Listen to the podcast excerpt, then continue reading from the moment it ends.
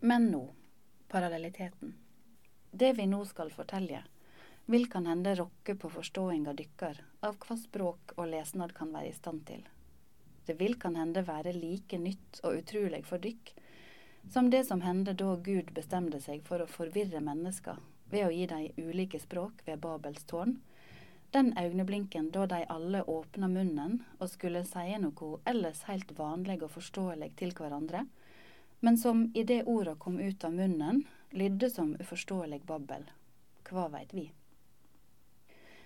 Parallelliteten oppsto uansett en søndagsettermiddag i 1998, da Anna var 23 år og satt på altanen og la seg bok. Hun satt der og blei lyst på av maisola, som varma som om det var juni. Der var ein syrin som sto i et hjørne i hagen. Han blømde hvitlysende, på en måte som bare syriner kan blomlyse dersom han får lys på seg, i absolutt alle tenkelige versjoner av universet der det finst syriner. Sinnssykt syrinkvitt. Der var to trappetrinn som gikk ned i hagen fra den vesle avsatsen med rekkverk kring, som var altanen, og ute på grasplenen sykla Laura på en trehjulssykkel. Anna heldt auge med Laura mens hun las. Det var vanskelig for en to og et halvt åring å sykle på gresset, som mest var mose, og det var nettopp tanken. Så kom hun seg ikke av gårde uten at Anna ville oppdage det. Laura var likevel fornøyd, og aka seg framover på sykkelen med de lubne to og et halvt år gamle beina. Anna hadde ei diktsamling i fanget, og det var denne, efter at ha tilbringat en natt blant hester, skriven av den finlandssvenske forfatteren Tua Forstrøm. Anna elska Tua Forstrøm. Efter at ha tilbringat en natt blant hester, kom ut i 1998 til stor jubel. I litterære krinser var det kan hende denne jubelen dette året en la merke til. Kan hende mer enn jubelen som oppsto i fysikkrinser, da en oppdaga at universet, tvert imot det en hadde trodd, utvida seg i overraskende stor fart, og ikke saktere og saktere, men altså i så stor og overraskende fart at en måtte studere det grundigere, og slik kom til å oppdage fenomenet mørk materie, dette elementet som en mener utgjør om lag 96% av universet. Vel, diktsamlinga fikk Nordisk råds litteraturpris. Anna studerte engelsk og hadde snart eksamen. Tua Forstrøm las hun denne søndagen for å få kjensla av at litteraturen eksisterte også utenom eksamen, slik studenter ofte har kjensla av at det de studerer, er pålagt dem, og derfor ikke eier autentisk og identitetsskapende, da alt som har med identitet å gjøre, kommer fra et nødvendig og unikt og indre driv, ulikt alle andre. Les de f.eks. Madame Bovary på pensum, må de vente kan hende hele 20 år til de kan lese boka om igjen og få kjensla av at denne boka har de oppdaga sjølve. Slik at dersom noen spør om de har lest henne, kan de si ja, jeg las henne på universitetet, men da jeg las henne nå, fikk jeg ei helt anna oppleving. Før var det kan hende dette sitatet om Emma Bovary som slo dei ut, som døme på hva litterær stil er for noe. Sitat. Hun hadde kjøpt seg skrivemappe, penneskaft, brevpapir og konvolutter, skjønt hun ikke hadde noen å skrive til. Hun pusset støvet av etasjeren, så seg i speilet, tok frem en bok, ble sittende i drømme og lot den synke i fanget. Hun hadde lyst til å dra på reiser eller vende tilbake til klosteret. Hun lengtet på én gang etter å dø og etter å bo i Paris. Sitat slutt. Mens nå, når de er over 40 år gamle og smått livstunge og deprimerte, er det kan hende dette de må gråte over. Sitat. Jeg ønsket jeg var en moldvarp, som jeg så lå og råtnet på grenene med innvoller som yrte av mark. Jeg ønsket jeg var krepert og når jeg tenkte på alle de andre som i samme stund satt og holdt sine hyggelige små koner tett inntil seg, kunne jeg slå løs på jorden med stokken. Sitat slutt. Parentes. Eller ja, jeg veit ikke. Sjøl skulle jeg altså helst tatt meg et par nye, tette støvler, men det får en ikke tak i lenger. Med en gang nye støvler kommer i butikkene, blir de utsolgte. Parentes slutt. Men tilbake til parallelliteten. Om vi ser det hele i sakte film. Auga til Anna faller på et ord.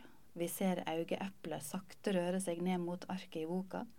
Vi ser øynevippene hennes falle mjukt idet øyet blunker, og skjuler det som faktisk skjer inne i det blaute, inne i hjernemassen. At hjernen til Anna løfta, uten at Anna fikk det med seg, en R vekk fra en T og over mot en D. Disse bokstavene var deler av ordet tredgård. Dette ordet, som på norsk betyr hage, skulle i diktet lage det visuelle inntrykket av tredgårder i regn, hager i regn. Men ordet som dukka opp inne i Anna sin lesende hjerne, var derimot ordet tærdgård. Anna stussa og så ned i papiret. Tædgård? Tæd. Feillesingar har jo gjerne den effekten at det oppstår ord som aldri har oppstått før. Det dukker opp helt nye ord som ikke har noe direkte tyding, som peker mot et ingenting, så å si, mot noe uforståelig, mot et potensielt ord, et ord som skulle kunne ha funnes hvis noen bare hadde tenkt på det. Men at det også skulle oppstå et helt nytt innhold, at det som skulle kunne ha funnes, rett og slett blei bokstavelig, det var uventa. Ingen i 1998, og verken før eller seinere, kunne vite at ordet tredgård bar i seg potensialet for feilkoblinga tædgård. Enda mindre kunne noen vite at ved å feillese ordet på akkurat denne måten, som om akkurat denne koblinga av bokstavene var poda inn fra et mystisk høyre vesen, som en trollformel, ville et parallelt univers åpne seg, et sideunivers, et nesten helt identisk univers, slik tredgård og tædgård side om side ser helt like ut om en ser på det raskt, og at den som tilfeldigvis var i en hage rett ved akkurat da ordet blei lese for første gang på jordkloden, ville forsvinne inn i han. Men det var akkurat det som hendte. For høyr. Da Anna las ordet tædgård og så ned i papiret og stussa i noen få sekund, åpenbæra altså det som skulle kunne ha funnet seg, bokstavelig som ei ny vær, et parallelt univers. Og dattera, Laura, på to og et halvt år på trehjulssykkel, sykler nå i en tædgård i ei anna verd, i samme hagen. I utgangspunktuniverset satt Anna og kjente alt kvittende da hun ikke lenger så noe ute på plenen som hun hadde ei kjensle av at hun hadde holdt øye med og ikke måtte tape av syne. Hagen var på en måte ubegripelig tom og stille, et hål, en helt vanlig hage med helt vanlig gras og en helt vanlig syrin svakt vaiende, sinnssykt syrinhvit, nesten skrikende. Noe var vekke, men hun visste ikke hva. Hun sprang ut i hagen, inn i huset. Det var noe hun hadde glemt. Hun sprang til ovnen, men der var ingenting som verken kokte eller steikte. Huset var slik det var, og det slo henne som underlig at hun bodde der i det hele. Bodde ikke hun i en studenthybel på Fantoft? Hvorfor bodde hun her? Hun hørte ei stemme inni hovedet som sa, med lys skrekkfilmkvinnestemme, som om stemma skulle lokke Anna mot et eller annet. Tadgård. Dette var jo en slik stad en bodde dersom en hadde familie, men i denne leiligheta fantes det ingenting som tydde på at det bodde et barn her. Det fantes ingen leker her. Hun kikka inn på badet som om hun skulle bli overraska av en stripete pysjamas hengende på en knagg, men der hang det bare handduker.